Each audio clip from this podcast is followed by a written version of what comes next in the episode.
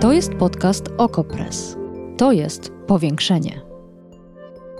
Patrzymy władzy na ręce, każdej władzy. Obserwujemy politykę i życie społeczne.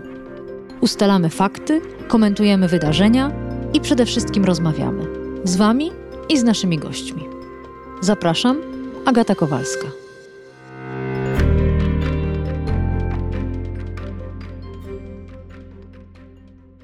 Szanowny kliencie, od 1 stycznia 2022 roku rząd RP wprowadza tarczę antyinflacyjną, która niweluje wzrosty cen energii elektrycznej. Sprawdź na naszej stronie www.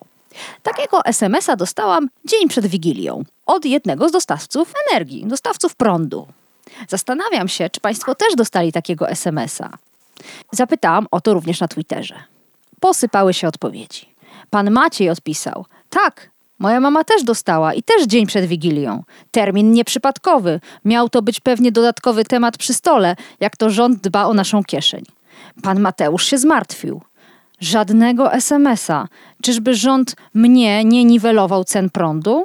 Pani Małgorzata podobnie. Nie dostałam SMS-a. Podpytuję bliskich, oni też nie. Widać się nie kwalifikujemy. Z drżeniem czekam na wymiar płatności za ogrzewanie mieszkania, gaz i naprawdę się boję. Nie wierzę w użyteczność żadnych tarcz, będzie bolało. Pan Piotr.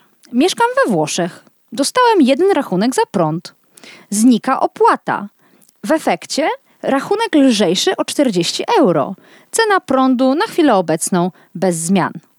O czym to świadczy? Czym różni się nasza sytuacja od sytuacji we Włoszech? I dlaczego to u nas ceny gazu, ceny prądu pędzą do góry?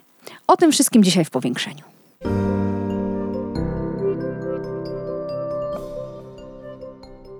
A naszym gościem jest Bartłomiej Derski z portalu wysokienapięcie.pl. Dzień dobry. Dzień dobry, witam serdecznie. To zacznijmy od tego głosu pana Piotra, który się pochwalił, że we Włoszech nie tylko prąd nie zdrożał, ale wręcz y, staniał. Co się dzieje? Czym się różni sytuacja w naszych krajach? Tym, że zapewne nie dostał słuchacz jeszcze rachunku za zużycie energii w styczniu. tak, tak zakładam, bo, bo te rachunki we Włoszech też e, mocno pójdą do góry i to też będą kilkudziesięcioprocentowe wzrosty cen dla gospodarstw domowych. Rządy różnych państw europejskich różnie na to e, reagują. We Włoszech zapewne obniżono już jakąś opłatę po to, aby ten wzrost w przyszłym roku tak bardzo nie uderzył Włochów po, po kieszeniach, ale, ale sama cena energii elektrycznej no, pójdzie e, jednak do góry też w przyszłym roku. E, tak we Włoszech, jak i właściwie w całej Europie, w Korei Południowej po raz pierwszy rząd od 8 lat wprowadził podwyżki stawek dla gospodarstw domowych, więc no, kryzys energetyczny jest globalny. E, i dotyka właściwie no, cały świat, bo nawet za mało by powiedzieć cały świat wysoko rozwinięty, bo, bo, bo myślę, że on też jest mocno odczuwalny w, w krajach rozwijających się. Polska na tym tle jakoś pewnie specjalnie się nie wyróżnia. No, kwestia być może tego, że do tej pory tych składników dodatkowych w rachunkach za energię elektryczną czy za gaz w Polsce nie było zbyt wiele więc u nas mm. rząd ma ograniczone pole manewru, mm -hmm. żeby ulżyć odbiorcom, bo, bo tak naprawdę nie ma tam już zbyt wiele do obniżania. Już w 2018 roku e, zostało obniżonych wiele składników w takim akcie paniki przed wyborami. E, kiedy ceny zaczęły nam po raz tak. pierwszy iść mocno do góry. Tak. Rząd tak, tak wówczas się tego wystraszył, że wręcz obniżył nam rachunki za energię, więc mieliśmy taką sytuację jak we Włoszech, że wbrew zapowiadanym podwyżkom mieliśmy obniżkę rachunków za energię, bo um, chyba politycy tak na szybko wymyślali, co jeszcze można obniżyć, że w końcu te rachunki nam spadły jeszcze mocniej. E, no ale politycy w ten sposób e, sprawili, że to paliwo do obniżania trochę się wyczerpało e, i, e, i te przyszłoroczne rachunki tam już nie ma za wiele co obniżać, więc obniżono podatek VAT, ale VAT to jest główny dochód budżetu państwa I to są grube miliardy złotych. I teraz e, z tego względu rząd obniżył na trzy miesiące tylko VAT e, za energię elektryczną, za gaz, e, za też ciepło sieciowe, to mhm. systemowe. Przypomniał sobie, że są tacy odbiorcy, którzy ogrzewają jednak mieszkania takim ciepłem, które przychodzi do nich tymi rurami e, systemowymi e, i też dla nich obniżył, no ale to jest tylko na trzy miesiące. Niestety od, od kwietnia no, te, te, te podwyżki będą bardzo znaczące dla gospodarstw domowych.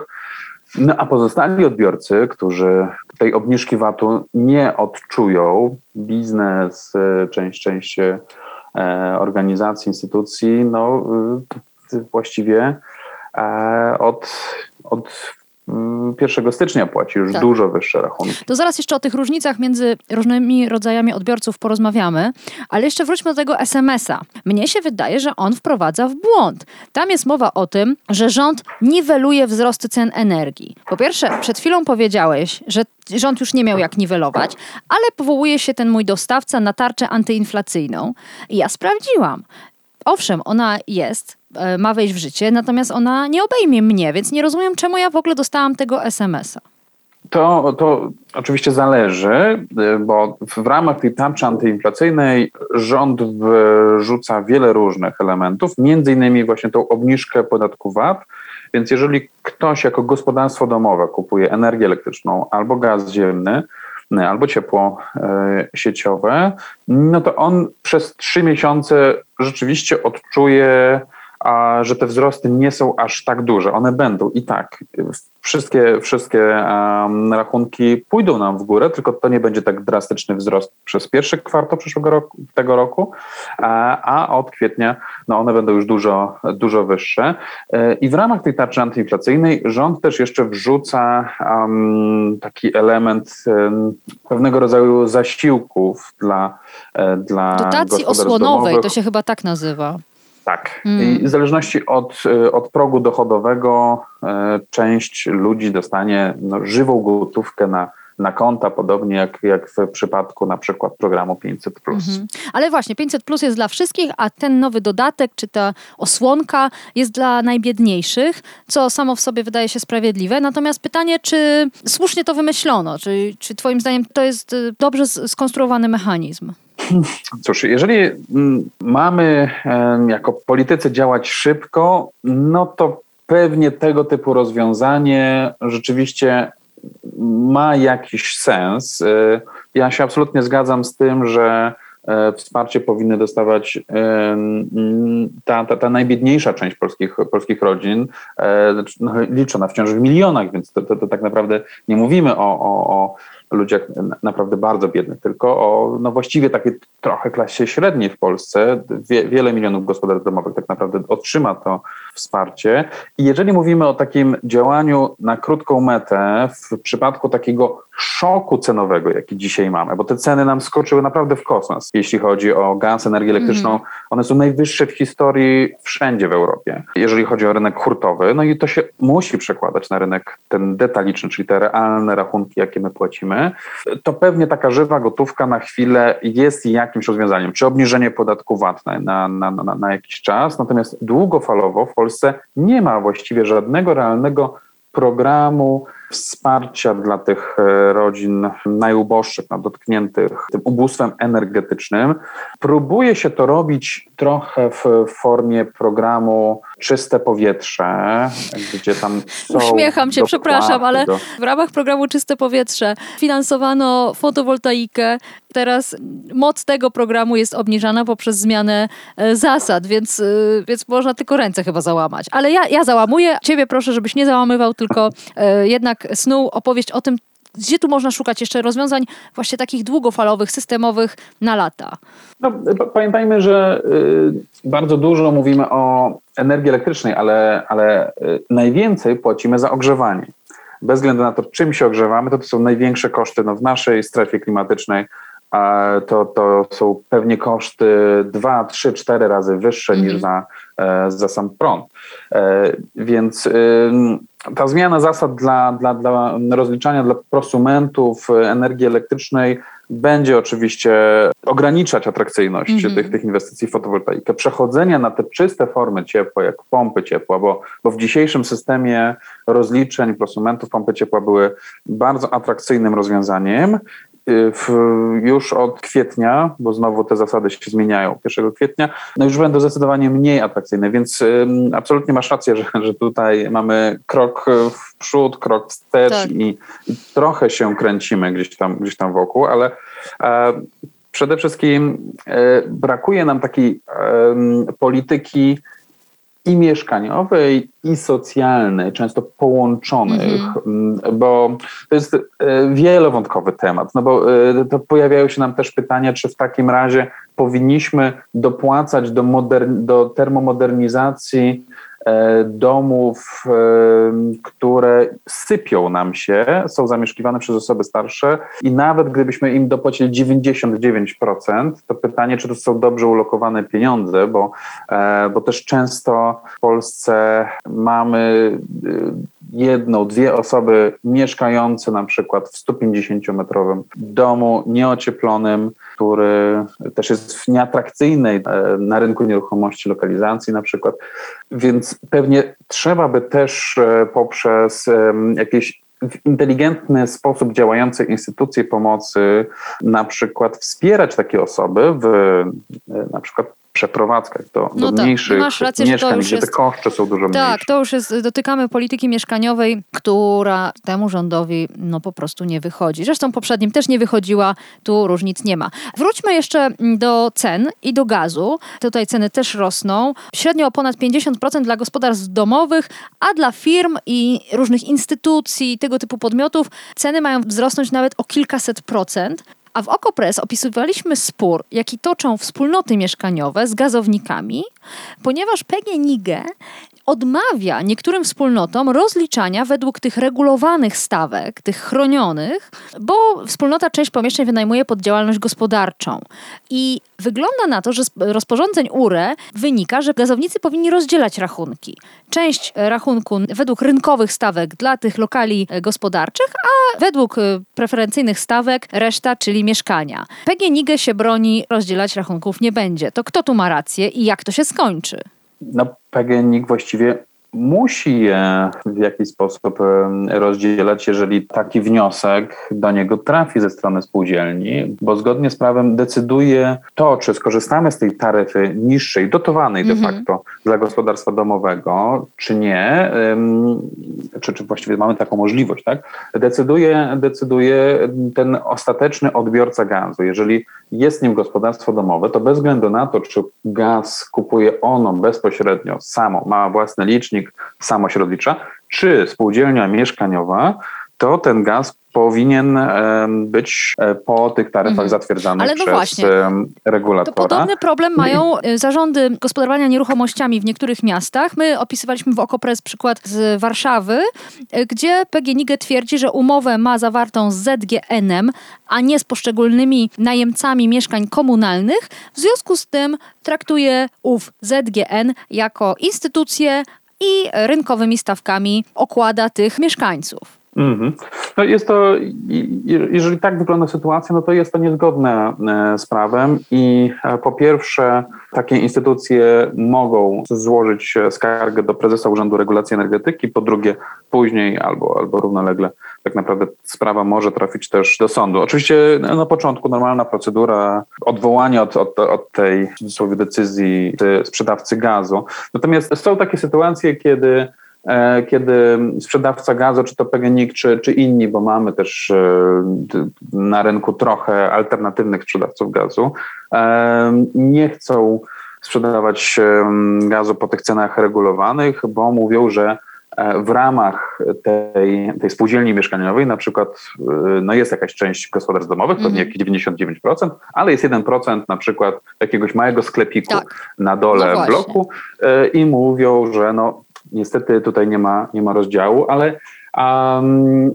jak, jak rozumiem, no w tej sytuacji też PGNiG zapewne e, zrozumie swoje, sw, swój błąd e, i i, i, będzie na przykład umożliwiał rozdzielanie tych, tych, tych umów, czy, czy nawet w ramach jednej umowy wydzielanie na przykład y, takiego gazomierza osobnego dla, e, dla tego biednego niestety sklepiku, który będzie płacił po tych mm, no wyższych no stawkach niż, niż regulowane i dla pozostałych stawki, stawki regulowane. No nie wyobrażam sobie, aby, aby E, ta spółka nie, nie, nie, nie poszła w tym kierunku, też ze względów politycznych, bo w końcu jest to spółka Skarbu Państwa e, i będzie się obrywać za to e, politykom, a jak sądzę, politycy będą robić wiele, żeby im się za to nie obrywa. Tak. E, jeszcze jedna kwestia. E, instytucje, które płacą pełną e, cenę, to są między innymi szpitale, szkoły.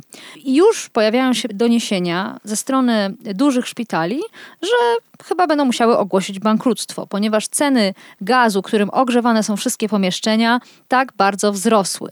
I zastanawiałam się, czy tego typu miejsca służące celom publicznym, jak szkoła, dom pomocy społecznej, szpital, mógłby być objęty ceną regulowaną, preferencyjną? Do tej pory przede wszystkim, e, jak popatrzymy historycznie na zmiany na rynku gazu, energii elektrycznej, no to e, była spora presja ze strony Unii Europejskiej, mhm która przekładała się też na, na, na polskie prawodawstwo, aby liberalizować tak. rynek, aby jak najwięcej odbiorców płaciło rynkowe stawki, no łącznie z tym, że gospodarstwa domowe też y, już y, y, i w przypadku gazu, to, to, to jest już określona data, ale też w przypadku energii elektrycznej w, w niedalekiej przyszłości miały wypłacić takie w pełni rynkowe e, stawki. Część państw w, w Europie się temu opiera. Francja na przykład ma bardzo mocno regulowany cały rynek e, dla gospodarstw domowych, Polska też.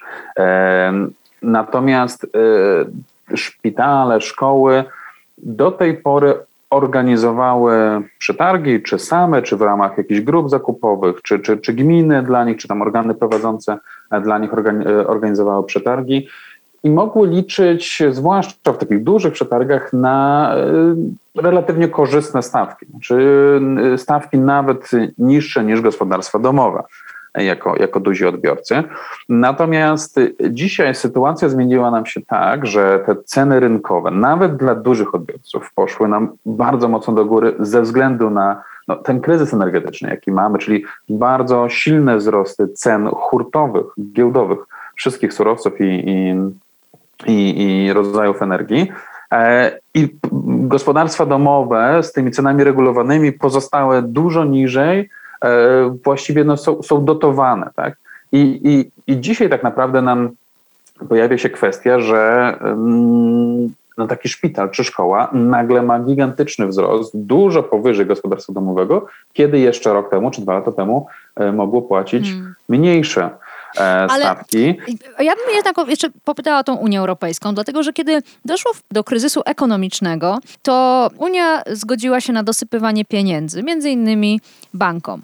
Teraz chodzi o kryzys energetyczny i Twoim zdaniem nie jest to dobry moment na to, żeby zmienić reguły, choćby na czas trwania tego tąpnięcia? Właściwie mamy do czynienia z czymś takim, bo Komisja Europejska powiedziała, że e, no, państwa mogą przedsiębrać różne, różne środki zaradcze i, i nawet to nie było powiedziane wprost, no, ale, ale w domyśle, że właściwie to nie będziemy skarżyć państw członkowskich za to na przykład, że bez zgody komisji obniżają podatek VAT e, na jakieś rodzaje energii. Więc taka zgoda jest i oczywiście polski rząd mógłby dzisiaj zrobić to, czyli mógłby powiedzieć, że w związku z tą sytuacją szpitale, szkoły mają wprowadzoną osobną taryfę i będą płacić mniej albo mają jakieś inne preferencje czy dopłaty. I, i, i droga ku temu dzisiaj w, w Europie jest, jest otwarta. To jest teraz kwestia tego, czy polski rząd podejmie takie, takie działania i, i decyzje. No i oczywiście kwestia zastanowienia się, czy w przyszłości to powinny być podmioty działające na całkowicie zliberalizowanym rynku hmm. energii, czy nie. Tu pewnie zdania będą podzielone dość e, mocno. Ale tak przy, o przyszłości to przyjemnie będzie rozmawiać, kiedy uporamy się e, z być albo nie być szpitali, choćby jeden ze szpitali e, psychiatrycznych na Mazowszu, który służy dzieciom, po prostu stwierdził, że nie, do, nie dotrwa do końca roku z taką sytuacją, jaka jest teraz. Już zupełnie na koniec. Ciekawi mnie jeszcze jeden rodzaj energii, sprzedawanej w butlach po 11 kilo Propan-butan to jest gaz, na którym się w wielu miasteczkach, wsiach gotuje. W zeszłym roku no, u mnie na wsi kosztowała taka butla 50 zł, teraz kosztuje 80, a przeczytałam, że są rejony w Polsce, gdzie nawet 90 zł płaci się za takie 11 kilo propan-butanu. Ten typ gazu jest też chroniony jakoś przez regulatora? Nie, tutaj podobnie jak w przypadku tego ciepła sieciowego, e, regulator, rząd po prostu zapomniał o takich odbiorcach. Zapomniał o kilku milionach gospodarstw domowych, bo z gazu propan-butan według danych GUS-u korzysta jedna trzecia gospodarstw domowych w Polsce, czyli 5 milionów rodzin I, i, i tak jak w przypadku ciepła sieciowego na początku w, ogóle zapomniano, że, że też ponad 40% Polaków ogrzewa swoje mieszkania w ten sposób i dopiero później wprowadzono tą obniżkę VAT-u na, na to ciepło, no to tak w przypadku gazu propan-butan prawdopodobnie zapomniano o tym. Powód może być jeszcze, jeszcze innego rodzaju. Dużo trudniej jest rozróżnić, kto jest kupującym. O, no tak. Um, o węglu kamiennym zresztą, czy o, o, o drewnie. To też, to też są źródła energii, z których korzysta e, no, ponad jedna trzecia e, domów w Polsce. Tutaj też ciężko odróżnić, kto kupuje, kto, kto nie. Tak samo paliwa płynne na stacjach, więc tam się nie zdecydowano na obniżkę VAT-u. Pewnie też z tego względu, że po prostu byłoby to później bardzo trudne do, do, do, do kontrolowania. I chyba nie ma dzisiaj żadnego pomysłu ze strony polityków, jak ulżyć takim, takim gospodarstwom domowym, a, a jest to no, znaczna liczba.